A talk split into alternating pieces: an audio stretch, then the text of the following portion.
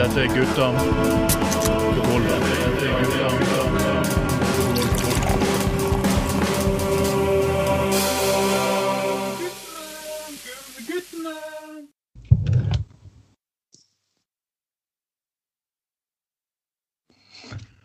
Velkommen skal dere være, folkens. Velkommen skal dere være. Dette er Gutta på gulvet nummer én for 2021. Jepp, jubelåret med dødsfall og pandemi og eh, Ja, det meste av gjelskap har forlatt oss, og nå skal vi inn i et lykkens år 2021. Og folkens, med oss i dag har jeg selvfølgelig min vanlige makker Anders Skoglund. Jeg er Trond Atne Tveiten. God dag, Anders. Halla, halla. Stå til. Har du overlevd nyttårsfeiringen, eh, Trond? Overlevde, ja. Jeg hadde egentlig ganske rolig, koselig nyttårsfeiring. Satt og så litt på Jean-Michel Jarre og fra, fra Notre-Dame. Og egentlig bare, bare, bare chiller'n, egentlig. Ja. Den tilbrakte du var delvis sammen med meg, da. Så jeg husker. Det gjorde vi faktisk, og vi hadde en fantastisk nyttårssending. Den ligger faktisk på, på alle digitale tjenester som fins, som vi alltid sier. 2021, vi har gode planer for dere. For uh, Anchor har blitt kjøpt opp av Spotify, noe som gjør at vi kan lage spesialsendinger med musikk på Spotify. Det kommer til å skje etter hvert. De har ikke rullet ut den ordningen i hele verden ennå, men det kommer. Så det kommer til å skje mye spennende. Men Anders, du husker en av de siste sendingene i, i fjor, så lovte vi en stor overraskelse, ikke sant? Det stemmer. Ja, ja, ja. Og Mm. vi skal presentere for dere en person som faktisk var med i begynnelsen, for den gangen het Radio Arbeidet. Vi hadde et uh, lokale her nede på Laksevåg i Bergen. og Mye morsomme historier. og Det morsomste er at han personen forlot oss etter hvert og lei gikk inn i rockebransjen, utrolig nok. Der han har sikkert hatt tonnevis av moro. Og, men mannen er med band som ja, Skal ikke hinte, folkens. Dette er Jeg tipper dere har hørt uh, Gjengen, jeg tipper dere har hørt Nordsjøen. Dette er selve gitaristen, geniet og rockeguden i Bergen. Lars Eriksen! Velkommen, Lars! Tusen, tusen takk. For en, eh, for en introduksjon, Trond. Veldig stor, eh, stor Jeg føler det er stor fallhøyde her nå når du sier en stor overraskelse. Men kjempehyggelig. Du har jo du har spilt på Roskilde og på. Bergenfest og alt mulig. Meg og Anders eh, sitter og lager podkaster på gutterommet, liksom, og du sitter og du nyter liksom eh, Spiser kirsebær med de store. Ja, men Veldig gøy å være med, i hvert fall. Jeg har, eh, jeg har hørt mye på, på podkasten i det siste, spesielt nå siste måned når jeg har vært i permisjon. så har jeg hatt masse tid til å høre på podkast. Og da syns jeg det var veldig gøy når, eh, når eh, jeg ble invitert til å være med en runde her. Ja, du var, du var med i begynnelsen, og jeg husker jo Da var også min bror Dag eh, Dag Halvard Tveiten med. Jeg husker Det var deg og Dag som fant ut skulle ha konkurranse på luften der det skulle gi bort penger, og så begynte det å komme biler, folk og banke på døra vår. Ja, vi trodde, vi, ja, jeg husker det veldig godt. Vi vi Vi, vi, trodde jo, vi trodde jo Det var jo bare tull. sant? Så vi, vi trodde jo at det vi sa, var jo helt far off. Og, vi trodde jo ikke noen hørte på engang. Plutselig kom det noen som, ville være med i konkurransen. Og de bare si at Jeg husker ikke hva vi gjorde, men jeg husker akkurat den, jeg husker det du sier. Det var helt, eh, men det var litt av et sammensurium. Vi satt og holdt på og kokte godt i hop eh, på det gode, gamle radioarbeidet. Det var jo, eh, jeg, vet at Du som rockestjerne sikkert du har sikkert hatt kummerlige forhold når du har reist rundt liksom dårlige backstage-områder, slitne turnébusser og lignende. hans. Ja, det, man ser jo eh, litt av alt. Ikke sant? Begge, Men- begge, begge deler. Men studio på Radio Arbeid, gamle Arbeidet, det var noe for seg selv. Det var noe for seg sjøl. Men jeg syns det, er litt- jeg synes det var litt eh, Jeg synes det var kult òg. Jeg likte det. Ja, det var Alt fra, eh, alt, alt fra eh, kystradioen til en eller annen sånn der eh, latinoradio til en eller annen sånn eh, eh, sånn eh, radiokanal for eh, for, for eh, ja, ja, det var mye forskjellig som brukte den eh, studioet der. Mangfold, Eh. mangfold i praksis. det. mangfold. Ja, Ja, det blir- Det var liksom, det vi skulle til å avslutte, så satt jo en av sånn kristenradio gjorde seg klar. Nei, det var fantastiske tider. Det var liksom fra, fra det mest perverse til det mest eh, moralske og hellige, liksom. Ah, ah. Ja, fantastisk. Men det som er kult, det som er kult er jo at eh, altså Gutter på gulvet er jo på en måte eh, det som ble tatt videre fra den gang, og at det lever ennå. Og, og fortsatt still going strong. Det syns jeg er kult. I hvert fall nå, Altså- i disse, i hvert fall nå i disse tider så det er kommet så enormt med podkaster og den type ting også. Så dette her liksom må jo være en av pionerene innenfor denne sjangeren. De var jo, vi, da, Vi hadde en liten chat før. Vi, sa, vi var jo pionerer. Vi var de første personene jeg tror det var rundt 2005-2006. Vi la faktisk ut sendinger på, på, på nettet til nedlasting. Det var mm. ja. Ja, mais- pionerer. Ja. Men jeg kan ikke, når jeg har kjendiser på besøk, så må jeg tenke at du havner fuckings i rockebransjen. Og Mm, det er tilfeldig. helt, helt tilfeldig. Hvorfor ble gjengen oppløst? Vi lurer på det, folkens. Hvorfor? Var det for mange kokker, for mye søl? Nei, det, nei da, det, det var det ikke. Nå er det jo noen år siden. Men jeg tror det var bare et helt naturlig et naturlig eh, et naturlig stopp, pause, kall det hva du vil. I, en- I noen år så har det vært veldig intensive. Ja. Så var det veldig naturlig å bare ta kanskje å, å, å stoppe akkurat der med akkurat det. Så, så det var ikke dop og damer og uh, manager med peng, pengefokus og alt mulig. Det var ikke, det var, det var ikke noen superskandaler som folk Nei. Nei. Nei, det var det absolutt ikke. Så det Da skulle du sagt at uh, det var for at du skulle satse full tid på Gutter på gulvet, da. Ja, faktisk. Det hadde, vært, det hadde vært kult hvis du sa det fra scenen, Lars. Altså, hvis du hadde banneret vårt bak. Så du. Ja, det har vært noe, mange gode ideer nå. Men nå er det ganske dårlige tider for kulturbransjen, og musikkbransjen Ja. spesielt, som dere vet. I disse. I disse dager, eller disse tidene vi er inne i nå. Så Er du litt sulten på å spille live igjen? jeg tror nok at det er mange som er, som er sulten på å gjøre både teater og musikk og, og det som er, og alle som jobber innenfor den bransjen nå. Det har jo vært et uh, veldig uh, De siste ti månedene har jo, er jo ja, Man prøvde jo seg litt Eller man fikk jo gjort, startet opp igjen noen småting nå var det etter sommeren og sånt man begynte Ja. å åpne opp for uh, veldig små ting. Og så har det jo gått litt i bølgedaler, og nå er det vel en Er vi inne i en liten, en slags lockdown, er vi ikke det? Jo. Akkurat nå. Ja, jeg ser det at veldig mange artister Jeg ser, jeg ser bandet The Tiger Lily, som er en av mine favoritter. De har gjort ut tre plater i år. Det er jo ekstremt. Mm. Paul McCartney har kommet med nytt et. Til og med Elvis Costello har kommet med enda et nytt album. Blir Ja, det, det, det er sikkert Ja. mange som har hatt mye tid ikke sant, til å jobbe med musikk. Og så, så måten eh, publisering av musikk er blitt nå, så går det jo an å få ting kjapt ut. Ja. Og eh, du trenger ikke å være på TV eller eh, reise rundt eller noen ting. Du kan gjøre alt via internett. det er ikke mye penger i det internetten, er det det? Jeg vet ikke helt. Jeg, altså, jeg, har aldri, jeg husker, husker altså, tenker sånn Spotify og streaming og sånt, og Ja. YouTube og den tid. Jeg, jeg har aldri helt klart å finne ut hvor mye eksakt det er snakk om. Men Ok. eh, jeg, tror du skal, jeg tror du må streame ganske mye for å uh, leve av det. Men uh, det finnes sikkert svaret finnes sikkert der ute. Jeg har jo så flaks at jeg har fast vinyl av, av dere. Kult. Oh, det er jo jeg, jeg synes det var kjempekult. Jeg fikk den i jule. Jeg, jeg, jeg skal få deg til å signere den. Det må jeg nødt til å få. Men det som er morsomt, det har jo kommet mye sånn vinyl Det har kommet sånn nostalgi om vinyl igjen. og det skal, Vinyl er det mye gull. Eh, Selger dere faktisk mye vinyl, dere artister?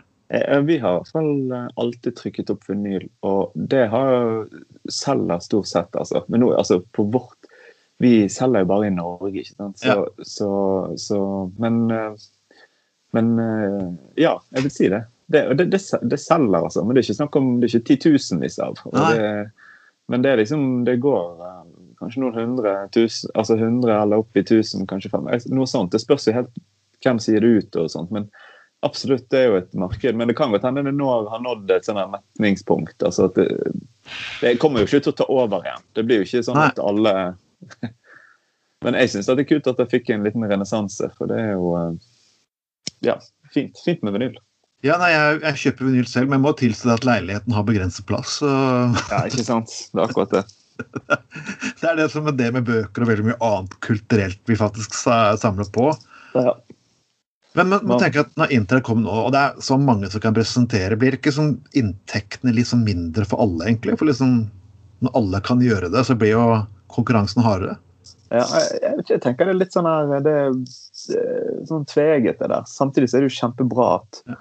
Alle kan alle kan uh, på en måte både Du kan lage ting lage ting mer profesjonelt, enklere og billigere. Alle kan gjøre det. Før var du på en måte litt mer avhengig av at noen andre kanskje ville gi deg en platekontrakt. ikke sant? Oh, ja. ville, ville gi deg tid i studio og den type ting. Mens nå kan du gjøre det meste hjemme. Men selvfølgelig det blir trangt om eh, plassen. Og jeg husker ikke hvor mange jeg leste en gang hvor mange nye låter som blir sluppet på Spotify hver uke eller hver dag. Altså Det er så enormt mye. ikke sant? Ja, ja, er, Så det er jo lett, det er veldig lett å gi ut noe, altså, så det er ingen som hører det, vil jeg tro. Så det er jo ja, både òg. Det er sikkert det, det, det er bra ting og en, det er negative ting. vi husker jo når både alle vi tre var nede på Laksevåg der, og så hadde jo du, alle, alle husker det gamle studioet, ikke sant? Hadde vi med CD-er, da? Hadde vi med CD-er, eller? Vi hadde, med, CD vi hadde brent Dag brente CD. Ja, stemmer det.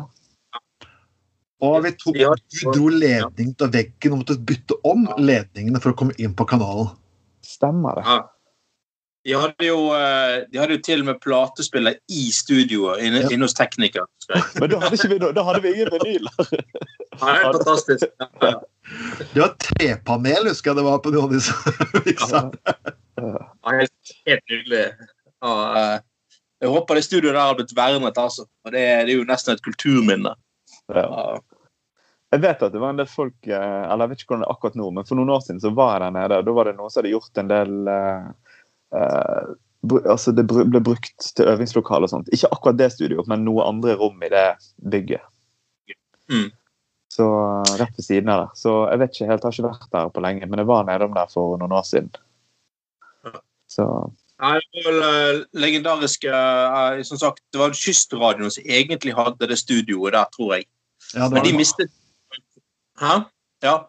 Eller, ja, men i hvert fall, de mistet jo eh, konsesjonen sin til et eller annet sånt helt meningsløst eh, eh, sånn eh, hit-hit-paradeopplegg som tilfeldigvis holdt til i Bergen. Og med det så døde jo virkelig en eh, god gammel lokalradiokanal med, med sjel og lidenskap. Eh, så det var egentlig utrolig trist. Eh, så, jeg, så jeg tror hele miljøet der rett og slett forsvant ut fra det bygget der på, på, på Laksevåg. Det er utrolig trist, for man kan si hva man vil om Kystradio, men de var en seriøs og god radio som faktisk presenterte god journaliststoff. Selv om vi ble tatt av lufta en gang for å så mobbe de, husker jeg. Vi, vi, det, var, det var litt morsomt. Jeg husker jeg var En gang så var den ene fyren så forbanna på Kystradio. Nei, nå har jeg hørt nok på banninga til de folka der. Nå, nå orker jeg ikke mer. Nå lukker jeg dørene her. Jeg vil ikke si at redaktøren i uh, Kystradioen eh, alt, alt skal oppsummeres. Alt i alt så tolererte jeg faktisk ganske mye, altså. ja, det er sant. Jeg er enig i det. Jeg er enig i det. altså for å være redaktør i en eh, ra lokalradiokanal med, med sånn kristen grunnparagraf og hele pakken og sånne ting, så var det ganske mye han fant seg ut. Han var en stillferdig type. Det, det, skal, ah. det skal han ha. Han var religiøs, men han var aldri noen fanatiker. For jeg husker det faktisk at eh, i motsetning til sånne aviser som Norge i dag og greiene der, som er jo lunikristendom av verste sort, så kom han på pressekonferansen og faktisk stilte seriøse spørsmål og lot folk faktisk folk få svare på seg, selv om han stilte kanskje andre typer spørsmål enn kanskje andre journalister. da. Så det skal han ha. Ja, han er var en eh, et, et tap for lokaljournalismen, eh, vil jeg si. Absolutt. Når de uh, forsvant. Men Lars, du har jo så også et sivilt liv. Um, altså, Rockebransjen, du, du kan ikke leve av det, kan du? Det ikke Nei. sånn du får dukker og tonnevis med sjekker inn, og du kan bare sitte hjemme og sende kona på, kona på jobb og barna i barnehagen og sånn. Det er ikke det? Nei, jeg, eh, altså for min del så, så kan ikke jeg leve av det. Uh, men det, det er jo mange roller også innenfor altså Når man er musiker eller er i musikkbransjen. ikke sant? Man kan både man kan selvfølgelig spille i band, og, og du- man tjener mer eh, jo mer man streames, og jo mer man konserter man spiller, eller hvis man skriver låtene eller skriver uh, musikken eller tekstene, eller, eller hvis man gjør andre ting også i tillegg. Sant? Kanskje med å spille med andre eller den type ting. Så jeg har jeg har ja, jeg har eh, jeg, jeg kan ikke jeg har ikke kunnet leve av det, og jeg har hele tiden også hatt en eh, et eh, håper å si en vanlig, vanlig jobb, et annet bein et, en annen fot å stå på òg. Men det er klart, man får jo være med på veldig masse, masse spennende, masse gøy. Nei, Da knuste du alle illusjoner. Vi som alltid trodde at du første du gjorde om morgenen, at du hadde en stripe liggende klar på nattbordet, og så var du liksom ja, liksom bare i gang, liksom. Det, Ja, nei, det, At eh, prostituerte ble levert sammen, sammen, sammen med pizza, morgenpizzaen, liksom. Og sånt, men, eh, Ja, nei, det er jo Jeg tror, jeg tror rockestjernelivet i Norge det, det er fortoner seg litt annerledes, ja.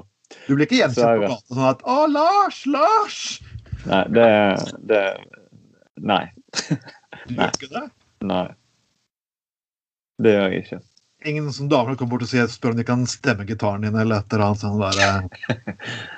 Nei, det er lite, det, det, det, det er lite med det, Trond. Det, Trenger ikke å spille solo og kveld, Lars, liksom, eller et eller annet sånt. Ja, ja. Nei, det Skulle gjerne hatt mer av sånt. Får du stort sett gå i fred, på eller? Hva sa du, Anders? Får du stort sett gå i fred på, ga på gaten, liksom? Ja, og jeg, selvfølgelig. For det er jo selvfølgelig Det gjør jeg, altså. Vi må ikke, vi må ikke overdrive dette her. Vi går løs på sakskartet, som jeg spør, har noen Ja. ville backstage-historier som du kan dele med oss? Ja, det har jeg sikkert, men da skal jeg ta de på strak arm når det passer seg i sendingen. Hvis det kommer, Ok. kommer på noe. Ok. Skal vi smelle i gang med noen saker her? Ja. Du skjønner jo egentlig uh, hva vi snakker om, og selvfølgelig 2020 var et fuckings møkkaår for de fleste. Uh, Merkelig nok så ble egentlig 2020 det mest kreative året jeg har hatt på lenge. Uh, ja, jeg beklager, folkens. Dere kan syte over å få pult i hjemmekontoren deres, men det var egentlig vært ganske godt med hjemmekontor. Jeg slipper å møte for mange folk rett face to face. Men folkens, spådommer for 2021. Først, Anders, hva tror du? Har du noen store spådommer for det? Ah. Nei, eh, altså eh, Spådom for 2021. Skal jeg ta sånne seriøse ting? At alle blir vaksinert sånn, eller eh, Nei, du tar gutta på gulvet-varianten, kan du si. Det er jo litt sånn blanding, en hybrid mellom det seriøse og det absurde. Nei, kanskje noen finner opp sånn kombinert eh, vak koronavaksine og ereksjonsmiddel, f.eks. At du kan kombinere ting. Wow, Altså, ja. du liksom, ja, sant? For det jo, altså, De som skal vaksineres først nå, er jo den eldre garde. sant? Ja. Eh, jeg, jeg, jeg tenker jo det at Nå må jo den der eh, medisinindustri eh, medisinindustrien, som, som er, er ganske kynisk og ute etter å tjene jævlig mye penger de, Vi driver jo hele tiden og gir sånne folk dessverre gratis ideer hele tiden. og Vi burde begynne å ta- ta betalt for eh, skrive timer for disse her tipsene og rådene vi kommer med. De har vært søkkrike. Det, ja, men sant, det, er eksempel, det, det er jo mye de skal prioriteres, først. Det er jo eh, mye av den eldre garde som uh, sliter litt med å få, uh, få middagspølsen til å, til å stå Eller til, til å, til å uh, Ja, til å fungere når, når de først um, skal, skal hygge seg, ha en liten såkalt hyrdestund, så de over 65 ofte sier. Så hvorfor ikke eh, ja, Kanskje noen i 2021 finner på sånn kombinert korona og eh, eh, potensmiddel. Bare sprøyter inn, og så har du liksom så har du liksom potensmiddel da, for eh, fem år frem i tid.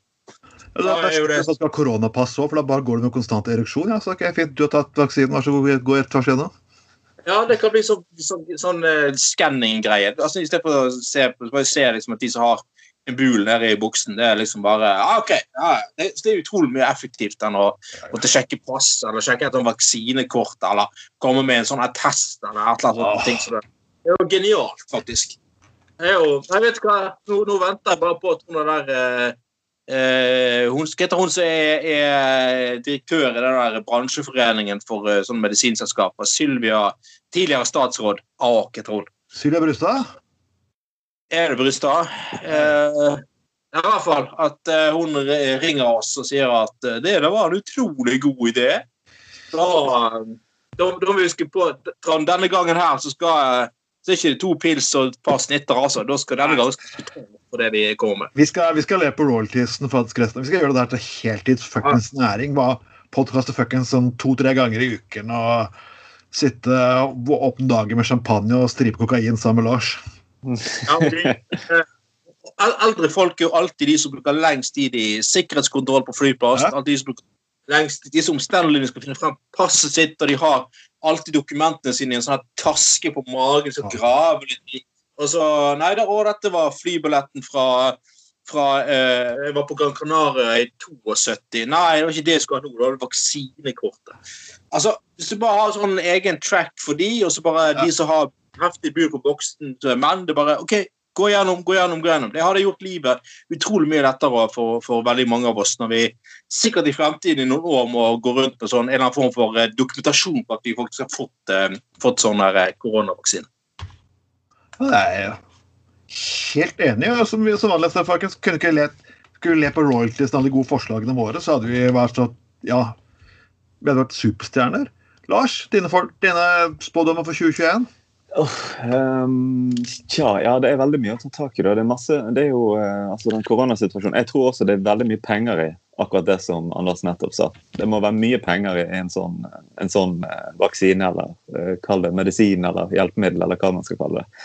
Um, og koronasituasjonen er jeg selvfølgelig veldig spent på. Jeg vet ikke om jeg skal spå så mye der. Men jeg er veldig jeg er spent på hva som jeg synes Vi hadde jo en slags sånn her identitetspolitisk vind, eller en bølge, Oh, ja, den, ja.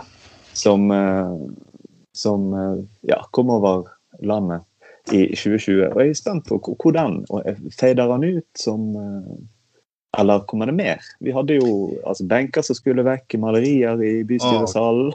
Eh, Vi hadde Jeg husker ikke hva mer. Det var massevis av små og store ting. Og jeg er veldig spent på om dette her kommer til å Kommer noe mer av dette her i 2021? bare- Jeg bare lurer på jeg kan skille tingene fra hverandre. her, for det har vært sånn, eh, jeg, jeg føler at jeg er helt enig med mye av det du sier, Lars, men samtidig er det sånn at enhver ting som tas opp nå, blir regnet som identitetspolitikk. Jeg, bare sånn, jeg, jeg husker da det var en film for noen år tilbake som het Hidden Figures. Du som husker den? Og det var blant annet en svarte vitenskapskvinner som var med å skrive koden som fikk oss til målen. Mm. Og det er de historiene nå fortelles. Det blir sånn, nei, det er identitetspolitikk. Da ble jeg sånn eh, What? Ja, ikke det fakta, historiske fakta, ikke fakta? som, har vært skjult, Ja. som ikke har vært kommet fram. Er det identitetspolitikk som man ikke skal ha noe av? Så jeg er litt sånn hvor setter du egentlig ja, Jeg er bare liksom litt sånn forvirret hva, hvor debatten går, kan du si. Da, for det, alt blir bare makket opp i en svær bolle. og jeg kan være synes noe av det er helt greit, men mye andre synes jeg bare egentlig bare tøv. Uh, ja. Ja, det, det, skaper i hvert fall, eh, det skaper i hvert fall mye debatt og mange ulike meninger. Så jeg er veldig spent på akkurat det. Hva kommer? Men jeg er jo helt enig med deg, Trond. Altså, hvis, eh, hvis du sier at akkurat Jeg kjenner ikke til den saken du refererer til. Men hvis det, er, hvis det er et historisk faktum, så er jo det et, så er jo det et veldig interessant en, en interessant sak som eh, for, fortjener at flere lærer om og eh, leser om eller hører om. Men jeg vil jo ikke umiddelbart tenke at det har jo ikke så mye med identitetspolitikk, for det spiller ja, det er jo et faktum, tenker jeg. For jeg, jeg, jeg, tok en åpen sak i bystyret, for det var en sak om svartes historie i Norge. Så om vi kunne putte det inn i læreprogrammet, for at folk kunne lære en bit av historien som ikke var, som var kjent. Og det, var faktisk, og det ble da stemplet som identitetspolitikk. Når jeg ikke skulle ha noe av. Jeg bare, ok, vi, jeg kommer ikke til å stryke ut ting av historien. jeg blir bare sånn, Det er en bit av historien av svarte mennesker som føler din historiske del av norsk historie ikke har blitt fortalt, som bare har lyst til at den skal bli fortalt. Nå jo det også- Ja, Anders? Ja, og, og som del av den eh, diskusjonen der, annet i Bergen, så har det eh, ja, altså Heldigvis er blitt satt fokus på at eh, han eh, Møllers og Møhlenpris opprettet etter, han var jo tydeligvis eh, veldig involvert i slavehandel. Og Det er utrolig interessant å eh, og, eh, få frem den siden av historien til en mann som liksom har blitt veldig sånn fremhevet tidligere. da, Mer for positive ting. Eh, at det også kom frem at fyren var involvert i, i slavehandel, er, jo utrolig viktig og, eh, for å få belyst eh, ja, det, og, og, og at folk hadde flere sider og var et produkt av, av sin tid. Eh, men det som ødelegger sånne diskusjoner med en gang, er om en gang noen sier at nei, vi må finne et nytt navn på Møhlenpris. Det kan ikke hete Møhlenpris lenger. Det er bare tull. Det ødelegger hele diskusjonen. Og det, det blir sånn latterlig symbolpolitikk der noen finner på et eller annet sånt med store bokstaver. Er mest for å få oppmerksomhet rundt seg sjøl, mindre for å få fokus på saken. Eh, og det, det der har vi sett ganske mye eksempler på innenfor den der identitetspolitikk-greien som har gått. Sant? Og i, I realiteten så vil det sikkert bare ført til at, hadde du potensielt sett eller på en eller annen måte omdøpt Møhlenpris Folk flest ville jo kalt det for Møhlenpris fremdeles, uansett. Det hadde hatt ingen betydning. Eh, og det er liksom sånn, Man må her klare å skille mellom skit og kanel. Og det, det, det, og det er det mange som engasjerer seg i en diskusjon som åpenbart ikke helt klarer. nå Nei, det er jo Men uh, jeg tipper at debatten kommer til å spinne i år. Men jeg begynner å bli litt sånn eh, jeg blir litt sånn lei. for sånn, det vi hadde, vi hadde også debatten i fjor, var jo den biten av at uh, Skal man dømme mennesker for de sto for noe politisk på et visst tidspunkt av historien? I så fall så vil uh, Det er et eksempel som jeg tok. og det var at I 1996 så var over nesten seks- over 60% av den norske befolkning mot homofile ekteskap. Det er fakta politikere fra alle partier på Stortinget var imot. Mange imot på det. Arbeiderpartiet, Høyre til og ja, ja. Så folk kan være Senterpartiet hele pakka. Og mange av disse personene lever fortsatt, så det betyr at hvis du skal dømme alle mennesker, så vil du slite med at dine foreldre eller onkler eller tante eller søskenbarn har på et eller annet tidspunkt stått for noe som ikke er så veldig politisk korrekt i dag. Ja. Altså, så bare Det vil ikke unna at Biden gjorde det i 1970. Ja, det er garantert. Ja, ja. Altså, du skal, du skal ikke så langt tilbake i tid før uh, uh, mange politikere hadde et ganske oppsiktsvekkende syn på abort sett med dagens øyne. Du skal ikke så langt tilbake i tid, altså. I, Nei, akkurat. I dag har verden gått fremover. Gudskjelov og takk for det. filmer, musikk, alt mulig. Jesus. Se til og med på gamle Michael G. Fox-filmer. Altså, jeg beklager, folkens. altså. Så se på norsk humor da på eh, 80-tallet, der det var helt greit å å, ja, egentlig diskriminere homofile, f.eks. Ganske kraftig humor og revyer og sånne ting. I dag eh, helt utenkelig. Sant? Og heldigvis for det. Eh, Men, altså, du vil alltid finne en del sånne hele tiden sånne eks eksempler på at, på, på at uh, Du skal ikke så langt tilbake i tid før uh, ting sett med dagens øyne rett og slett var horribelt. Mm. Ja, nei, det, og det, og det, du finner det i alle sammenhenger, ikke sant? Ja. Du, du vil finne det. Og hvis, og det er jo hvis, du, ja, hvis du leter etter det, så vil du finne det. Men det er jo spørsmålet hva, er på, ja, hva, hva godt gjør det? Ja. Eventuelt å finne fram masse sketsjer på 80-tallet for å bevise at man hadde ja. eh, Det er at alle mennesker på et eller annet tidspunkt gjort noe som de ikke helst vil skal komme på sosiale medier. og Det er sånn det hele tiden har vært. og vi har, Det vi snakket om mye i i 2020, eh, var jo også hykleri. Det har du sikkert fått mer av Lars. ja. Og det er litt den vi hadde på den metoo-greien. at alle de personene som nå blir tatt for enkelt, Ja, jeg skal ikke forsvare Giske, men ikke kom faktisk norsk politiker og ungdomspolitiker i dag og si at dere ikke var klar over Trond Giske før metoo-saken ble en sak. For det var dere. Ja, det, det, Og jeg kan ikke si det nok ganger, men ikke fuckings kom norsk medie og tro at det der var fuckings overraskelse. Dere var klar over den overraskelsen årevis. Så- Eh, eh, Jeg støtter metoo, men igjen, folkens, gå litt i dere selv. Eh, Men folkens, det er stortingsvalg i år. Stortingsvalg. ja. ja. Jeg vet ikke hva dere håper på, men jeg ser ikke ut som det er så veldig mye håp nå på meningsmålingene. spør du meg. da. Ja, jeg vet jo ikke hva, helt, hva dere håper på, dere heller. Men Nei. jeg, eh, jeg har nå et håp på at det blir et skifte. I Det håper jeg på. Jeg Men- håper på bompengepartiet, da. Uh, not. Vedum, hva, hva, hva var grunnen til at han er så fuckings populær? Jeg, jeg får det argumentet, jeg diskuterte med en person på en avis Nasjonen, og hun sa at ja, men la han prøve seg, da. Jeg er så, jeg er så drittlei når folk sier la han prøve seg, da, som et argument. Ja, men la Frp prøve seg, da.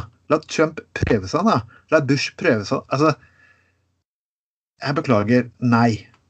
Vi skal ikke la så det er ikke bare la prøve seg. liksom. Er, du skal styre et fuckings land. Det er litt sånn piss med bompengepartiet som diskuterte her i Bergen òg. Ja, men la dem prøve seg, da. Ja, men de kan faen ikke De skjønner ikke hodet og ræva hva de dreiv med.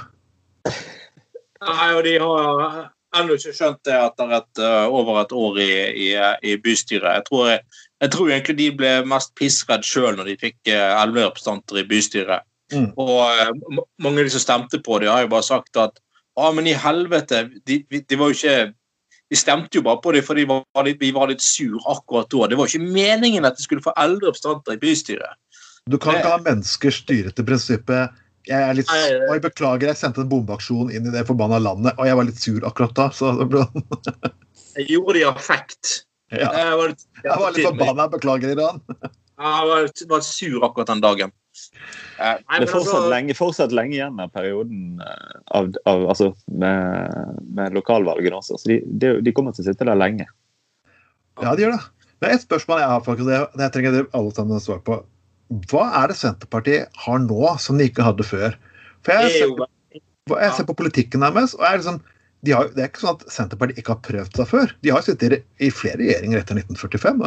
Jeg tror opp mot 22 år til sammen. De har sittet i sentrumsregjering, de har sittet sammen med Høyre to, to, tre ganger. Altså, Arbeiderpartiet Hva er annerledes nå? Altså, folk er Folk er, er fremtidspessimister langt på vei. Ja. Uh, og Senterpartiet kan love dem at de skal la ting være sånn som de var i går. Det er en utrolig enkel oppskrift. Altså, eh, Folk liker ikke for mye forandring. Og i Norge, nå, e- etter at man ja, langt vei takket være Senterpartiet sine tidligere tider i regjering, så har jo man mye av faktisk en god del av moderniseringen av Norge blitt holdt igjen. ikke sant? Ja. Du har ikke hatt noen regionsreform, ingen kommunereform. Eh, Det, det har ikke vært noe veldig sånn stor reformering av offentlig sektor på noen måter. og alt mulig sånt. Det er klart at folk, eh, Mange vil ikke ha forandring, de vil ha det sånn som det er, for det er trygt. Og Det er utrolig enkel oppskrift. Reise rundt, være folkelig, eh, være rundt og le sånn som han gjør. Ha! Og, og, og drikke litt kaffe og, og, og kombinere det litt med å love folk eh, billig bensin og elbiler skal vi faen ikke ha i Distrikts-Norge. Nei, det skjer ikke.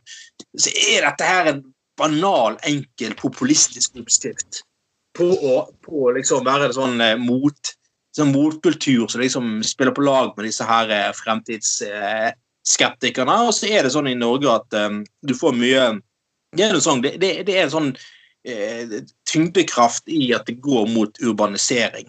Så dette, hatt, Man har forsøkt veldig mye i Norge for å forhindre det, men det går mot urbanisering. Folk bosetter seg mer og mer eh, sentralisert. Ikke nødvendigvis i byer, da, men i sånne der eh, nye sånne st- store, kommuner eh, rundt tettsteder og sånne ting, der det er arbeidsplasser og et kulturtilbud eh, og sånne ting. Men retorikken er jo at, liksom at selv om folk gjør det i praksis, så drømmer de om eh, denne perfekte eh, livet i Distrikts-Norge. sant?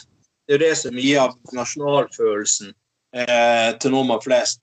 Så eh, Oppskriften på dette her eh, Vedum-greiene er jo egentlig ganske enkel. da. Hva syns du, Lars? Ja, nei, jo, altså Jeg tenker jo først og fremst Altså, jeg, jeg, jeg tenker først og fremst Nå har uh, regjeringen snart sittet i åtte år. Så enhver, ethvert opposisjonsparti bør jo ha en litt enklere eh, på å si, bør jo ha litt eh, vind i seilene. ikke sant? På grunn av, Man ser jo nå det er stor slitasje på de som har styrt i åtte år. Eh, det vingles og det byttes ut og det ene og det andre. Eh, men samtidig så Ja, Vedum, han Jeg kjenner ikke alt, eller jeg vet jo ikke alt i detalj. Jeg følger ikke med på helt detaljert på alt han gjør. da. Men en del av de tingene som han sier, som du Anders også nevnte forrige gang, som, i forrige podcast, som jeg er veldig enig i, at f.eks. New Public Management at det er en katastrofe for, for deler av offentlig sektor. Så jeg, altså jeg vil jo tro at ok, Så var de jo gjerne med på å innføre det sjøl når de satt i regjering, men det er ingen som husker, for det er så lenge siden. Mm. Uh, og, og en del andre typer reformer vi ser, sånn som politireform og uh, gjerne dette her sammenslåingen av fylkeskommuner og sånn, som ikke har så veldig, veldig mye for Eller som kanskje ikke har så mye for seg. har så mye for seg. Eh, Mm. Sånn at det er lett å kanskje få eh, oppslutning rundt en del den type saker. Da. Men det, er jo sammensatt. Det er også en del om eh, selvfølgelig by-land og, og dette her at man kanskje nører opp om en del gamle, gamle sånne her eh, Hvordan vi skulle ønske det var fortsatt. Det er mye ting jeg skulle ønske var fortsatt, men eh, det, så det, så det er jo disse evige debattene har. Vi skal ta en annen sak her litt, men jeg bare er Senterpartiet det forsvant 5000 bruk i de åtte årene de hadde landbruksministeren. Og, og fraflyttingen har stort sett vart hele etterkrigstiden. Så hvis, skal, hvis folk har lyst til å prøve noe nytt forhold til distriktspolitikk, så burde de kanskje lytte til andre partier som de egentlig hater per i dag. For man skulle nesten bare tro at i Norge at hadde det ikke vært for at eh, man, hadde man bare skutt mer øl og folk hadde spist mer kjøtt og sluttet å være vegetarianere, så ville distriktene være reddet, og det har jeg min sterke tvil på. Jeg er helt enig, det tror ikke jeg. Folk må ha noe å gjøre for å bo i distriktene. ikke sant? Unge folk må ha til, altså Det må være noe jobber til folk, og eh, også interessante, spennende, et eller annet slags variert utvalg av jobber. Så er Hvis ikke, så, hvis ikke blir jo ikke folk boende.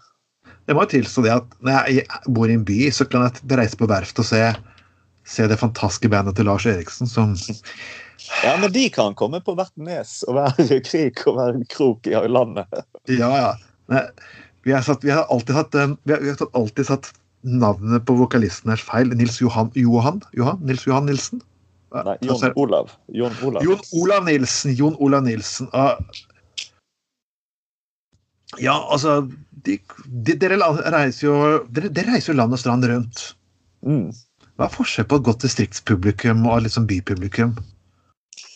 Har du noen god historie? Tenkte jeg på bygda på Trøndelag, liksom, med heimkok og lignende. hans. Ja, øh, ja, altså det kan være, kan være Det kan være veldig bra på, på landet ute i distriktene, og det kan være øh, veldig bra i byen, og det kan være øh, vice versa dårlig. ikke sant? Det er noen ganger når du har kommet på enkelte steder ute i distriktene der du bare tenker at uh, hvorfor i helsike kom vi hit? De vil jo ikke ha De vil de ønsker jo ikke de vil, bare, de vil jo ikke ha De vil ikke ha, de vil ikke ha musikk laget etter 1990. Sant? De vil ha, de vil ha Hva heter de? Spill Creedence, sa Spill Creedence! Ja, og et par av disse her eh, rockebandene altså, En del bra også, da. Jeg misforstår meg rett, men, men de er ikke interessert i Du kan komme Det fins noen sånne eksempler liksom, for noen år siden der vi kanskje har, har spilt sammen med ting som har vært skikkelig altså, nytt i Norge og fått skikkelig gode kritikker og booket på Øyafestival, og så møter vi de sånn rundt omkring. Og så bare ja, Folk er jo ikke folk, De, de ute, ute, langt ute i distriktet de, de er interessert. Jeg, jeg, jeg, jeg, så dere faktisk på, jeg så dere faktisk på Bergenfest for noen år tilbake. Eh, det var kjempegøy. Og når dere tok på disse gamle gjengen-låtene, så er liksom folk sang med, og det var, fuck hadde det jævla trivelig. Mm. Så nei, er ikke folk i distriktene like klare for ny musikk? Det Jo, jo, liksom- altså nå, nå sier jeg bare Jeg sier ikke at det alltid er sånn, men, men jeg har liksom opplevd det, og der man har tenkt hvorfor Men, men eh, det kan òg være steder som er i distriktene som er helt fantastisk bra, ikke sant. Så det kommer litt an fra sted til sted og fra arrangement til arrangement, og ja. Eh, Det gjør det. Eh, Apropos ignorant publikum. Jeg var faktisk på, husker jeg var på Bergenfest eh, for noen år siden, og det fortsatt var en sånn der eh, eh, sånn klubbfestival. da. Ja, Så husker jeg at dere spilte på det som Ole Bull scene, var det vel? Ja. Eh, og og da, da sto det åpenbart altså Apropos ignorant publikum. Da sto det en eh, liten gruppe da av eh, ja, i hvert fall sånn semikjente bergensere. Jeg skal ikke nevne navn, selvfølgelig. Eh, men de sto da eh, under konserten i ring og snakket til og med hverandre. Og det var åpenbart veldig sånn her se og bli sett. eh, Å, herregud. Ja. Og, det, det var jo bare rett og slett fryktelig pinlig på deres vegne. Og gudskjelov så var det en fyr som gikk bort til dem og sa at alvorlig talt, kom dere til helvete ut. Ja, det er bra. Det er bra noen tar ansvar. Altså, de, var helt, de var ikke til stede liksom i konserten. eller ikke, ing- Ingenting. De bare sto der for De var som eh, ja, se, sånn se og bli sett eh, Se sett-greier. Så, så altså Ignorant publikum, som du sier, det kan du for så vidt finne overalt, ja. Ja, du kan det, altså. Du kan det. Men det er jo selvfølgelig det er jo artig når man, man eh, Noen ganger treffer man jo stereotyp på stereotypene, både på publikum i byer og i distriktene. Ja. Folk med bransjebilletter er de mest irriterende på konsert. er, For de er der nesten for å sosialisere seg. Jeg er der, jeg, jeg, jeg, jeg, så jeg, må si, jeg er så gammel mann selv. Jeg, jeg liker Maiden, Stones og sånn. Det som er gøy å gå på, gå på Bergenfest, det, jeg- det som er gøy med Bergenfest, er at du får absolutt alt mulig. Du får liksom alt fra de mest kjente til, til liksom litt andre artister. Da kan jeg liksom OK, gå og så sjekke det ut. Og så er alt de som er bransjebilletter, skal stå og fuckings irritere livsskyterne. Noen ganger jeg bare så ta halvliteren bare trykke så godt opp i rassen at de mørke kart og kompass for å finne igjen oss. Fuck you! Fuck you, han er semikjent. Ja, dere hadde deres gullalder på 80-90-tallet. Vær så snill, respekt for folk som er på vei oppover nå og har prøver å gjøre en jobb. Ah, Det er sant. Det er sant, Også.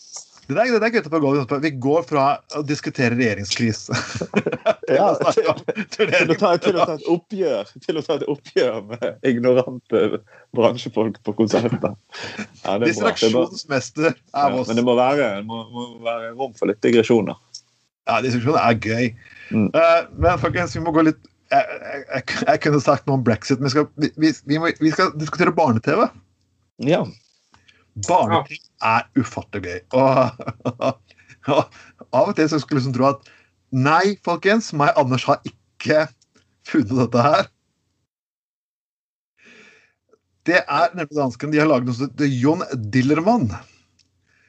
Med et utrolig stort fokus på en fyr som kan gjøre alt mulig rart med kuken sin. Og du spør at det her var adult Det er noe som heter Adult Swim på Cartoon Network sånn, sånn seint på natta. Og det, er- når jeg var på fylla før, så syntes jeg det er jævlig gøy å sitte og se på, for jeg la meg opp og le meg. Men det her er faktisk for barn. Måtte jo være komme fra Danmark. Barneserie for barn mellom fire og åtte. Og jeg, det, er, det er en del av meg som syns dette er rasende festlig. Men det er en annen del av meg som syns at OK Vil disse barna forstå dette konseptet, og kan mennesker med litt sånn skrudd syn utgi seg for å være John Dillemann og prøve å innpasse seg hos barn? Jeg bare jeg, jeg, vet ikke hva jeg skal føle den galskapen her, men så klart jeg lager i Danmark dette her. Eh, Men, er, men er, det, er det liksom er det, Ja, jeg er enig, det måtte jo, være, måtte jo komme fra Danmark. Men er det liksom sånn slapstick med, med den kuken, eller er det liksom, har det et pedagogisk eh, Det er ikke mye pedagogisk. Den er ekstremt lang. og En av scenene her som henger pikken i fast i gassballonger, og så flyr den av sted. Nei, det er jo- ja. Det er jo eh, helt, helt typisk eh, Danmark og dansker, for å si det sånn. Det skal liksom være Det skal liksom ikke være noen eh, grenser i det, i det hele tatt. Og de, har de holder vel denne kunstneriske friheten ekstremt høyt der borte, i. Og, men folkens, dere trodde kanskje det her var fælt. Og det er helt til min uh, madammen uh, viste meg noe fra Japan. Og eh, hvis du trodde, hvis du trodde danskene var gale, velkommen til Japan. For der hadde de noe som heter Butt Detective. Ja, Hele ansiktet til den her eh, fyren er en svær rumpe, og kollegaen hans heter Brun. Jeg bare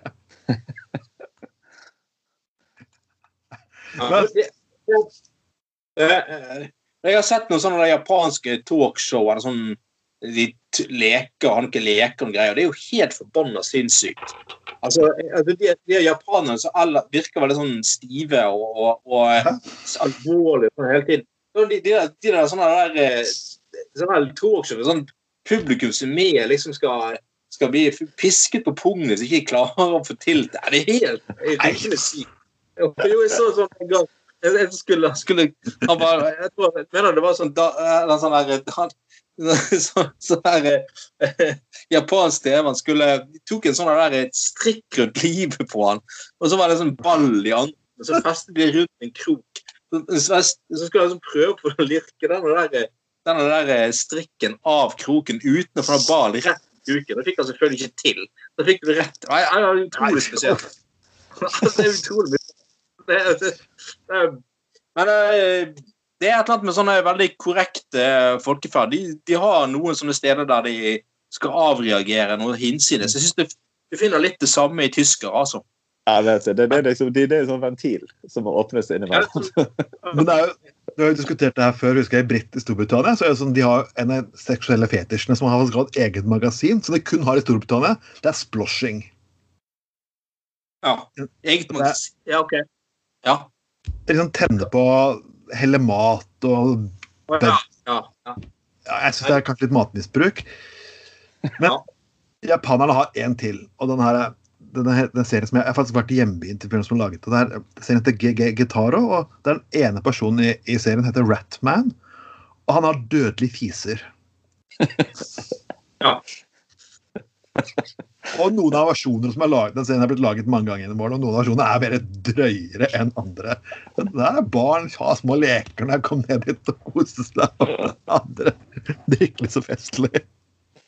Jeg syns det høres morsomt ut. jeg. Du har ikke opplevd noen sånn morsomme kulturelle uttrykk når du har vært og turnert, Lars? Nei, ikke så jeg kommer på. Ikke så bra som hvis det kunne vært i Japan og, og, og, og, lært om denne her eh, som eh, tegneserien som har dødelige fiser. Det høres, eh, det høres, det høres bedre ut. Men, tilbake til han der ærlig penismannen her, skal vi se. Dansken. Er dette her upassende for barn, eller ikke? Tja jeg vet ikke, Nå har jeg jo ikke sett dette, jeg har bare sett bildene av det. Eh, men, men eh, jeg vet ikke, det, kan- de være for unge til å skjønne at det er morsomt, eller eh, er det bare morsomt, og så tenker ikke de noe mer på det? eller Jeg vet At ikke. det er tiss, liksom. Og... Ja, jeg syns jo, jo det høres litt morsomt ut, da. men uh, nå har ikke jeg Jeg vet ikke hvor, hva, hva det vil skje med unge barnesinn. eh, om de blir påvirket negativt av dette i lengden. Det vet man jo ikke. Eller jeg vet ikke, det. Ja, ja. De har jo også i, i Danmark hatt denne animasjonsserien Onkel Stuart. Nei, tegneserie, kanskje. Og Det er jo det er også for barn, men det er jo da Onkel Stuart som er en gammel sånn her sjømann, og han går rundt på horehus og har seg drikker og spyr og hold- holder på, liksom. Og det er jo Stuart. Og Ja, det er Onkel Stuart. Det er jo rimelig, rimelig innsides. Ja, ja, det, det, det. Og så er han sånn gatemusikant innimellom. Han spiller, har noen vanvittige sånne der, eh, syke melodier som han spiller for å få inn litt penger. og litt sånn. Ja, det, det, Men kanskje danskene bare burde kjøre på med litt sånne sære Ja. barne-TV. Så får vi se hvordan det går. De har den der Terkelig knipe, skal jeg husker ikke den filmen, folkens. Ja. Jeg husker Ja, men eh, Jeg, jeg begynte å se på gammel barne-TV fra jeg var liten. for En venninne av meg vi satt og drakk vin i dag, så bare finne en VHS-kassett. Og, eh, og det er den der som heter Oksen Anton. Jeg vet ikke om du husker den serien? husker Det var jo sånn hinsides absurd. Vi satt og lå og gråt av latter. Han, eh, det var jo dyremishandling nesten på absurd helt absurd nivå. Barn syntes det var gøy, men jeg syntes det var minst like morsomt. Jeg hadde ikke drukket halve, halve vinglasset ennå engang. Så liksom, jeg vet ikke. Men eh, jeg syns i hvert fall det er det er, det er kanskje altså ting som kanskje Kolta, men ja, jeg vet ikke, folkens. Hva syns dere? jeg syns det Bare de danskene, bare kjør på, sier jeg. Kjør på. Putt i kommentarfeltet under. Disse alle lytterne. Jeg, jeg må si at uh, Vi har én sak fra 2020 som vi er nødt til å ta opp her, og det er det faktum at det er kommet brexit. Jeg, jeg vet ikke om dere syns om brexit. Jeg syns det er synd, i hvert fall. Men Ja, eh, Ja. ja. skandale kan selvfølgelig være kjipt. Og det viser at en person som hadde stemt for brexit, han også, drev også med sexbutikk. Så han hadde da bestilt eh, 10 000 eh, rumper, som du kan gjøre ja, morsomt med. ja, for han er det i hvert fall synd. Det er veldig synd for han. Og han sitter nå fast med Han said, I leave I, I wanted to leave, but now I'm stuck with 10,000 arses in Calais. Ja, det er jo, altså, dette er jo dette er jo tidenes største brexit-offer. Det er jo helt, helt nydelig. I, i, i, I denne vanvittige diskusjonen de har i Storbritannia, der de før, først stemte nei, så har jo så, så har sier, ja, litt sånn uh, Jf. det der uh, bompengelisten, så sier jo de fleste de som stemte nei Ja, men faen, det skulle jo ikke bli nei! Det var ikke det vi mente. Vi ville, ville bare sende et signal om at ikke vi om at vi vil ha opprør, eller vi, vi vil gi beskjed om et eller annet, liksom. Men, men, Eh, eh, men tilbake ja. til vår, vår mann her, da. Se, se, se for dere han eh, i begynnelsen av desember, sitter på internett. Ja, 5000 Nei, jeg tar 10 000. Håper det håper det, håper det kommer fram før 31. Satser på det. Så, Hva hva skal, hva skal jeg ha konkurssalg kaller jeg der? How much for 10,000 arses? Artists! Artists! det Artus. Nei, Britene har vært morsomme. Og nei, vi skulle egentlig ikke. Men vi skal likevel støtte regjeringen som likevel hadde stemt på folkets vilje. Men vi skal ikke OK, kan dere Det er, sånn- det er sånn derre katten som skal gå ut av en dør, og så bare sånn Jeg vil ut, og så Nei, vente litt Ikke, ikke, ikke, ikke, lukk døra. Å nei, nei, kanskje Men, men altså, er det ikke litt grann Altså eh, Brexit er jo altså Det er ikke enkelt her. sant? Det er sikkert like mange meninger som det er folk og rundt omkring, både i Storbritannia og resten av verden som mener noe om det òg. Men det har jo òg Det må jo også sende noen signaler til, eh, til EU også. Ja. Måten EU har utviklet seg på. Eh, og det er jo ikke kun i Storbritannia man, man har en sånn gryende skepsis til EU heller. Så Nei, jeg men vet ikke. det er forskjell på å sende signaler. Mange i Tyskland de var sinte. Og de gjorde for noe? De stemte jo Europavalget. Og sendte inn politikere fra venstresiden og av det- av- og De Grønne, som nå begynner å ta for seg Oi, vi skal stoppe Googles makt. Vi skal stoppe Facebooks makt og lignende. Det er det man gjør. Man stemmer ikke nasjonalister som bare kan veive med flagget og si hvor faktisk flink befolkningen er. For det funker fuckings veldig sjeldent. Og så- og så- jeg, jeg, det er som jeg ler alle profiler på Facebook. Jeg stemmer for Norge imot globalister. Vi kan gjøre sånn, sånn, sånn. sånn. OK. Jeg driter på hvor høyt du veiver det fuckings forpurte flagget ditt. Hvordan konkret har du lyst til å fuckings gjøre jobben? Si at du er misfornøyd er én ting, men hvordan har du tenkt å putte inn løsningen, implementere løsningene? Det er mer interessant. ja, ja, men jeg tror, jeg tror jo det er noe i det Lars sier her, at, Ja. at eh, både nei, sant, både i eh, Storbritannia og i andre land, så, så eh, sant, det er jo igjen denne følelsen av å, å, å eh, eh, være handlingslammet og, og eh, maktesløs, sant? Um, så, så, som jeg sa i sted, jeg har jo egentlig inntrykk av at mange briter bare ville sende et signal om at de ville ha jeg vet ikke, mer innflytelse og, og, og mindre overstyring fra EU. Og sikkert et stort tema, spesielt på Storbritannia, som en gammel, stor historie med en sånn gammel, gammel eh, eh, kolonimakt og alt det der eh, greiene der, da. Men han de har drevet blant annet og stemt inn i EU-parlamentet for Storbritannia, og han har, eh, Storbritannia, og han har splitta Hva heter han? Farrell? Han har så Ja, ledet den ja, han har ledet brexit, dannet brexit. uh, og han har jo bare sittet og rapportert hjem all slags mulig fordommer. Ja, franskmenn har grunn til å spise froskelår hele tiden, og spanjoler er late. Folk på Hellas er jævlig late. Det er bare sånn, De, de skal kun lure seg unna, og de skal ikke betale skatt og sånn. Så jeg, jeg, tror jo mange har, eh, har, har Han har klart å ødelegge veldig mye av eh, briters syn på EU innenfra òg, da. Ja. For å si det sånn.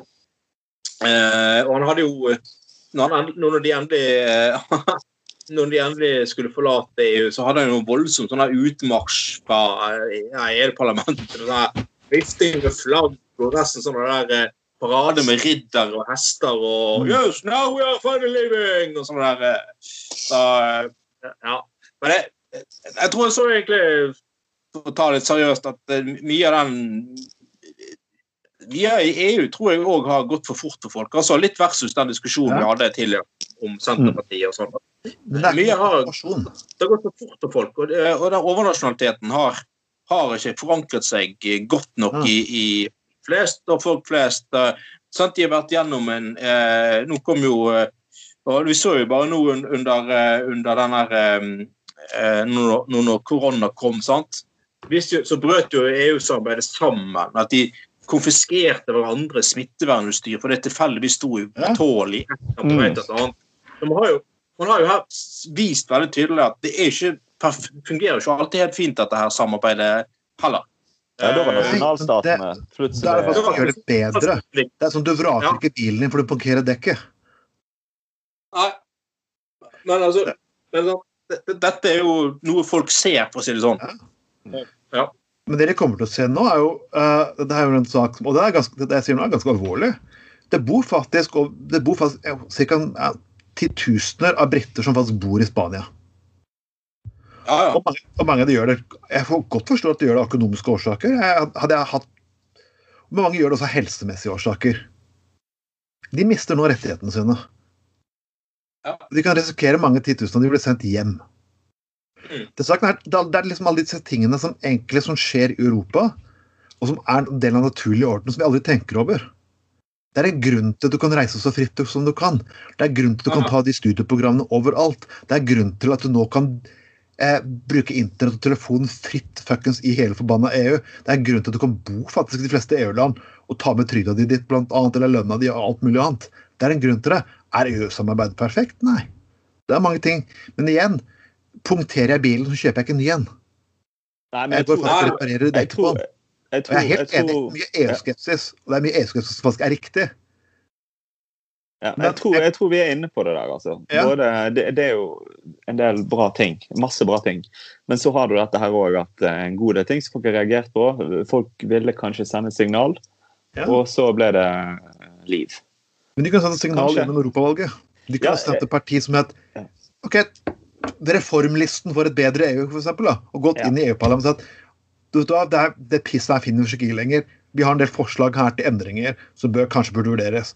Og Da tipper jeg mange EU-skeptikere i andre land sa at vet du ok, kult, du, vet du, de endringene har vi også lyst til å gjøre.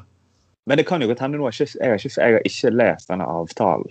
Ja. Eh, Men eh, jeg har jo forstått sånn at det er ganske mye som eh, det blir sånn som det er. Og det kan jo hende at med tid og stunder at eh, når begge har fått slikket sårene, at man eh, en del, eh, en del andre ting også går tilbake. Av de andre tingene som kanskje var positivt. Hva vet jeg. Vi er jo ikke medlem av EU, men vi har jo Jo, men vi har faktisk en EØS-avtale, vi har faktisk Akkurat. hele indre markedet. Vi har Jo, som- akkurat. Men det er ingenting poenget mitt, som poenget mitt på sikt så tror jeg ikke det er noe som hindrer Storbritannia. Altså, det er ikke noen naturlov som sier at ikke de kan forhandle hvilken som helst avtale med EU. ikke sant? Når stridsøksene kanskje Ja, det kommer litt an på, for det, det er Jeg har vært skeptiske her, er selvfølgelig Spania, som vil ha den dealen av Gibraltar tilbake. Du har irene, som er forbanna ja, du vet hvorfor irene er forbanna på Storbritannia. Ja, ja.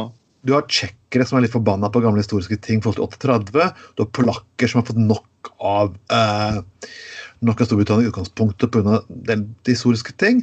Franskmenn som elsker å vise i fingeren, og tyskerne som har lyst til å leke sjef. Så liksom da, da har du liksom alle disse elementene inn. Så jeg tror, hva skal, og nå har du nasjonalistbevegelser i Skottland som under løstrivelse, og i Wales og i Nord-Irland. Så lykke til med å få en sånn fuckings avtale med en inkompetent regjering. Ja, ok, Nei, det kan godt være. Men jeg tror også, jeg tror også at uh, hvis du ser på de, si, de store europeiske landene og de store lokomotivene, økonomiske lokomotivene ikke Mm. så det er klart at Frankrike, Tyskland og, og Storbritannia de trenger hverandre også. Ja, de- eh, ikke sant? Så du kan ikke liksom, EU kan ikke bare seile videre med Portugal, eh, Hellas og Polen og eh, Romania og den gjengen der. ikke sant? Det, det, blir det liksom, det kommer til å gå litt trått, vil jeg tro. Men det er ikke noe som sier at britene ikke kan bli med i EU igjen. Og jeg tror nok en yngre generasjon som er langt mer EU-positive fast der borte, som også får forandringer, og som er vant med å bo og flytte fram og tilbake, mer enn eldre generasjon. Så jeg tror egentlig mye EU-konflikten altså, altså er mye generasjonskonflikt. Ja. Yngre generasjoner er mer mobile enn det eldre generasjoner ofte er. Ja. Og det er det du får og det er det at Folk vet ikke. Jeg, jeg hører folk si at jeg visste jo at Norge hadde de og de avtalene med Har du hørt om Europarådet? Ja, jeg har hørt om Europarådet. Det har eksistert siden 1947. Ja, FN har de og de avtalene. Ja, de har hatt de også siden 40-tallet. Folk vet faktisk ikke nok, og det er der informasjonsflyten ikke har gått riktig. Folk, sånn, jeg blir alltid sånn konservativ som kommer til å være sånn ja, disse og de tingene. Ja, det har vært common knowledge. Så det stort sett du oppdager noe, så tror du å, jeg oppdager det for første gang. Det har skjedd konspirasjon de siste 40-50 årene. Nei. det har ikke det. Ja, det er mye, det er mye, det er mye rart. Det er mye rart der ute, altså. Det er ingenting. Men Men det blir spennende Det blir spennende å se hva som skjer. Det var jo det som var temaet. Spennende å se hva som skjer i 2021. vi, vi må holde på litt lenger, for når vi snakker om Anders, vi kan jo ikke, vi kan ikke ha noen gutta på Goldsending uten å snakke om arbeiderspørsmål. Nei, nei, klart. Det er åpenbart. Og nå er det nemlig Wizz Air. Eh, alle gutta som bor her nå, selvfølgelig er glade fagforeningsfolk, ikke sant? Alle sammen. Yep. Og Wizz Air de har, fått, de har en arbeidslivspolitikk som er så grusom vi har denne til før, at til og med Høyre er skeptisk. Når Høyre er skeptisk, og Frp ikke sier noe, da er du ræva, altså. Altså, det, det er det, Men det, er vel uh, Det ene med Wizz er jo selvfølgelig å utnytte helt desperate folk som er desperate etter å få jobb. Av, eh, det, er jo, det, er jo, det, er jo, det er jo sånn maktforholdet er mellom arbeidstaker og arbeidsgiver. Så for I Norge så har vi heldigvis et, eh, en politikk eller et rettsvern rundt arbeidstakere som regulerer det der. Men eh, de er vel de er fra Ungarn, ikke det der, mener jeg? Jo. Wizz Air. Ja, ja, der de ganske konsekvent dumper alle rettigheter og, og sånne ting. Og så er det da Dette er jo akkurat det samme som de der eh, Ryanair-greiene. sant? De, de tror at, liksom at nasjonalt regelverk er underordnet. Mm. Eh, sant? Fordi at liksom Her kommer vi, og vi skal skape så jævlig mat. ting. Men eh, jeg, jeg tenker det, det um, Og så er jo de mye verre enn eh, disse her Ryanair òg. Det er jo, det er jo eh, Folk skal nærmest få sparken på timen, og de har ingen rett på sykepenger og ingen rett på å være syk. eller ingen rett på noe som helst. Altså, det, er jo, det er jo moderne slaveri i realiteten, dette her. da. Uh, men jeg, jeg vil jo si at altså, nå, nå ligger det faen meg også et ansvar hos vanlige norske folk å Ja. ikke kjøpe billige eh, sydenturer med Wizz Air. Altså. Så det, er- holder ikke å være litt imot dette her i et kommentarfelt på, på Facebook, og så er det bare Nei, men nå må jeg til Gran Canaria, og så spiller vi en latterlig billig eh, billett eh, der, altså. Her må hver og en vise litt moralsk ryggrad. Helt enig. helt enig. Jeg har alltid lurt på de, disse selskapene her. Hvordan i helvete tjener de penger, egentlig? De, når de selger billetter til 150 kroner og 200 kroner og sånt. Hvordan er det mulig egentlig å tjene penger? Nei, det var, det var jo den der saken man hadde at eh, det her var, Jeg kan ta et eksempel. fordi Mange påstår at en flyseteavgift var det som faktisk fikk eh, eh, Ryanair til å flytte fra Rygge. Noe som er veldig spesielt, siden de har rute fra Gardermoen. Det er bare at De tror de kan true lokale myndigheter, og nå har de ser vi ser at truet myndigheter. De har faktisk saksøkt myndigheter for å oppfordre til boikott. Mm. Ja. Og både nei-siden og ja-siden her har feil. For deler av ja-siden ja, det er fritt marked. Nei-siden sier det er EØS-avtalen. Men jeg skal sitere hva Jostein sier. Det er ingenting som sier at offentlig anbud trenger å gå til pris. Så folk har lyst til å ha et anbud på, på tjeneste innenfor EU dette er EU-reglene, så kan man faktisk si at vi kan sette arbeids, fagforeninger og en del andre ting til grunn. Vi kan si at ok, vi forlanger at de skal ha en skikk at uh, de og de arbeidsvilkårene blir opp- opp- opprettholdt. Hvis dere ikke oppholder det, fuck you. Ja, det, det går helt fint an. Men sikkert mye av forretningshemmeligheten her, for å si det sånn, da, er jo at uh, en ting i Norge der du tross alt har sant, som sagt uh, veldig sånn etablerte, stabile systemer, og vi tross alt har en viss uh, både arbeidsvern og en viss, en viss sosial standard og sånne ting. Men tenk hvis du går her et annet lutfattig land i Europa da, sant? som ikke har muligheten til å stå opp mot de. Og jeg tror det er mye der de, de, de holder på rundt om i verden. Altså at Mm. eh, ja, ja, ok, hvis ikke dere disse får arbeids, arbeid hos oss, så får de jo ikke arbeid hos noen, da. Så det er jo Mhm. bare fuck. Det er jo, eh, det, er jo mye der det, der det ligger, da. Men, eh, og liksom at de da i tillegg truer med søksmål og, og, og, og alt mulig sånne ting. Og så er vel eh, Tror du noen av disse søksmålene kommer til å nå frem? Nei, det er jo det er jo, altså, han er, de her Ryan har jo sagt denne uken mens de var i Norge, skulle saksøke Forbrukerombudet. Det er jo helt fantastisk. Saksøke er Forbrukerombudet kommer med sakinformasjon om, om at Ryanair konsekvent ikke respekterer norske forbrukere sine rettigheter når de er sånn her forsinket og flyet går ikke likevel. og sånn. Her skal de saksøke det norske forbrukere. Det er jo, det er jo fullstendig banalt. Det, det er jo, eh, jeg tror jo enhver norskdommer vil le, ja, le hele veien til, eh, til, til eh, frifinnelse av norske stat, for å si det sånn, hvis de er løkrulle finner på at de faktisk skal prøve å, å eh, saksøke staten. Men det er vel tror mye av det de gjorde de er, er gamle triks igjen, tror jeg, at, eh, at eh, Ja, nei, billetten koster 299, eh, men det inkluderer jo ikke bagasje. Å ja, jeg ser du har bagasjen. Det koster 500 kroner å få med seg. Nei, vi har ikke hatt hyllet bagasje. Så det er jo hele tiden Nei, det koster 50 kroner for pisse. Ja. Ja. Så på sydenferie har du lyst på en liten øl. Ja, det koster 200. Altså, Det er jo sånn disse løkølene de folk holder på. sant? De må Ja. lokkes av Som jeg sier, er jo det alltid et eller annet sånn fjas hele tiden. Og eh, det kombinert med da helt ræva dårlig service, selvfølgelig. Nei, hva tror du, Lars? Nei, jeg er helt enig. Jeg skal, jeg skal ikke bruke Wizz Air. Det må faen. vi ikke faen. Og Du oppfordrer fansen til ikke å bruke det heller, tipper jeg. Du, helt til slutt skal vi ta en liten, en litt morsom sak. og Dette her er et innlegg fra en mann som vi har diskutert før, faktisk.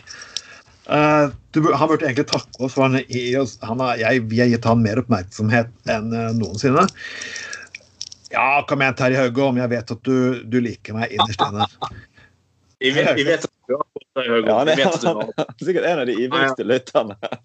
Ja, Terje, kom igjen, Terje. Terje, Terje kom igjen, kom igjen, kom igjen. Du har ikke lyst til å være med oss, tror jeg. Det er det, det er der det ligger. Ja, ja. Det er der du liker oss liksom. Vi, vi er en sånn der eh, guilty pleasure uten like for deg. Vi vet, vi vet det. det er, Han, han er jo bilentusiast, og det er liksom morsomt med han er bilentusiast. at Det er liksom hver videre gang skal protest- sånn- Det er liksom litt sånn trassaldermentalitet på sånn Selvfølgelig skal ikke kvitte oss med telefonkatalogen, hadde i sin tid. Altså, sånn det er et kulturprodukt. Og at ha, Dieselbilen skal i hvert fall vare. Ingen folk kommer til å gå med på å gå over til elektrisk. Og, sånn. ja, og nå er det liksom at han viser et fint bilde av Bergen fra 60-tallet. Det var en gang det var trafikk på Torgallmenningen. Og alt var så bra, bare det biler i alle sidegatene alene hans. Men Haugom, det bodde ikke 280 000 mennesker i Bergen på, på 50-tallet. 60-tallet. altså, log logikken er jo helt fullstendig nydelig.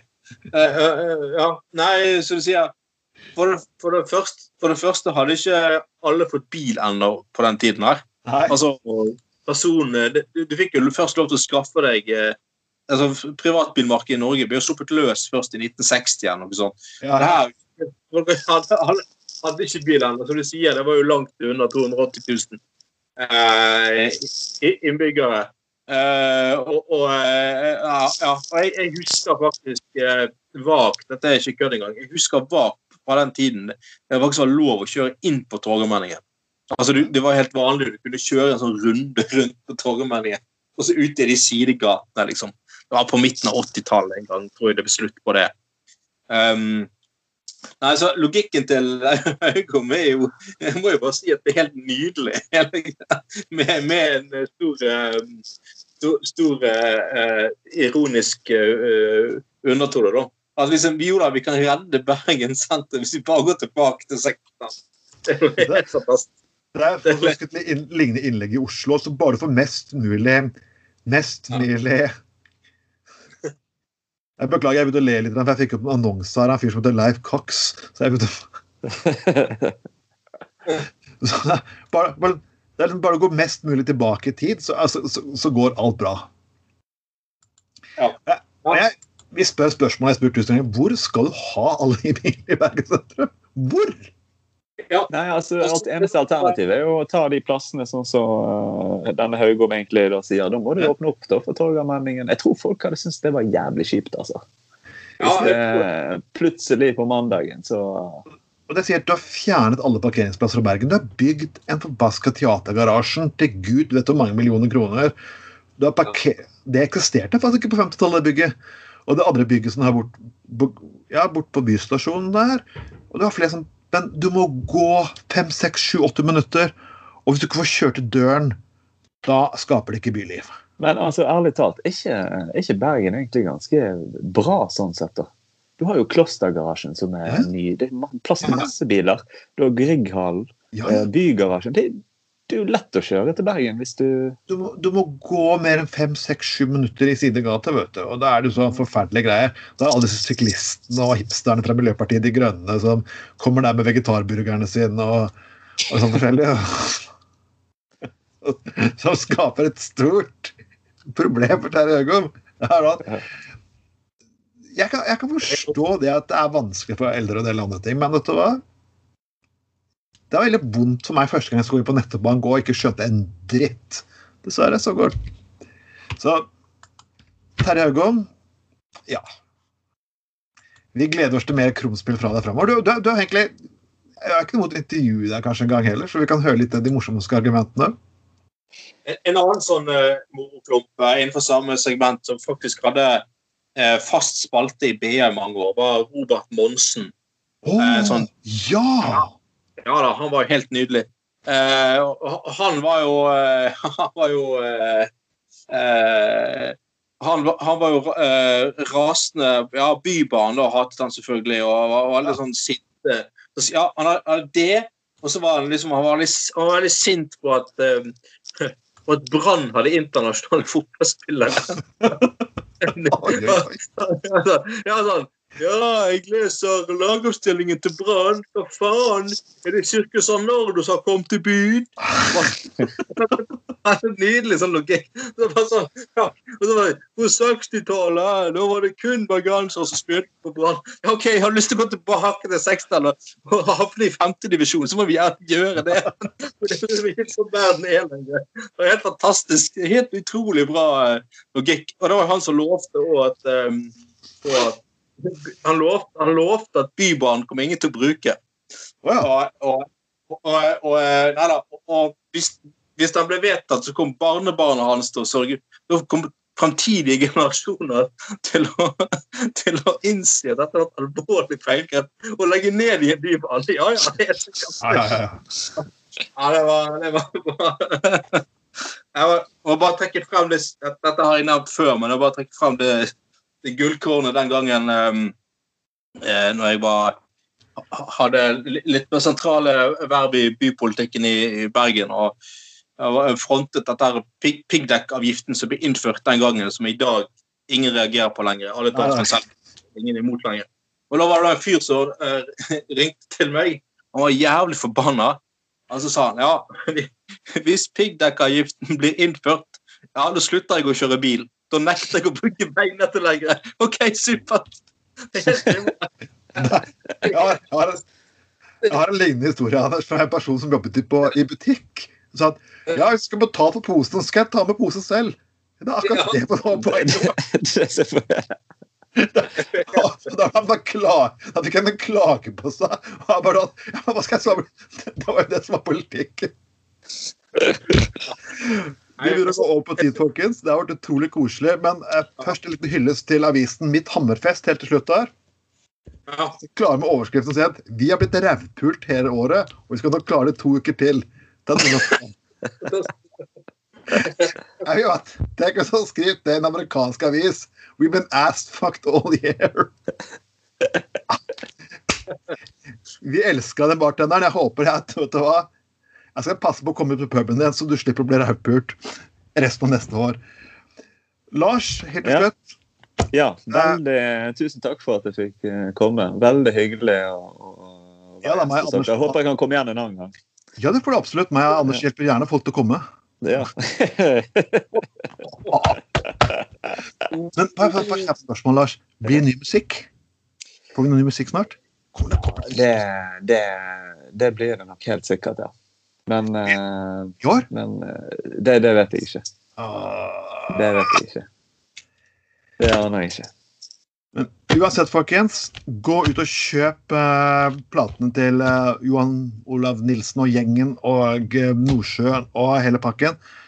Husk å støtte lokale musikere og lokale bedrifter og gud vet fuckings oldemor.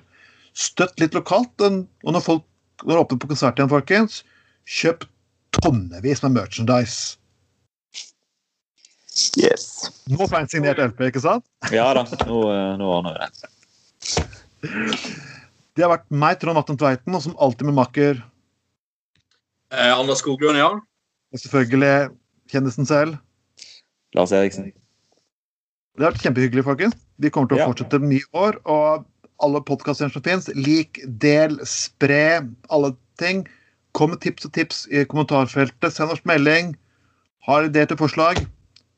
Uansett, folkens, dette har vært utrolig koselig. Og vi ses igjen eh, ja, vi ses igjen neste uke, faktisk. Det gjør vi.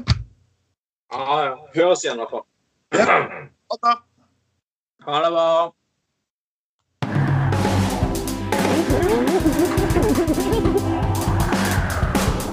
Du har lytta til Gutta på Golda.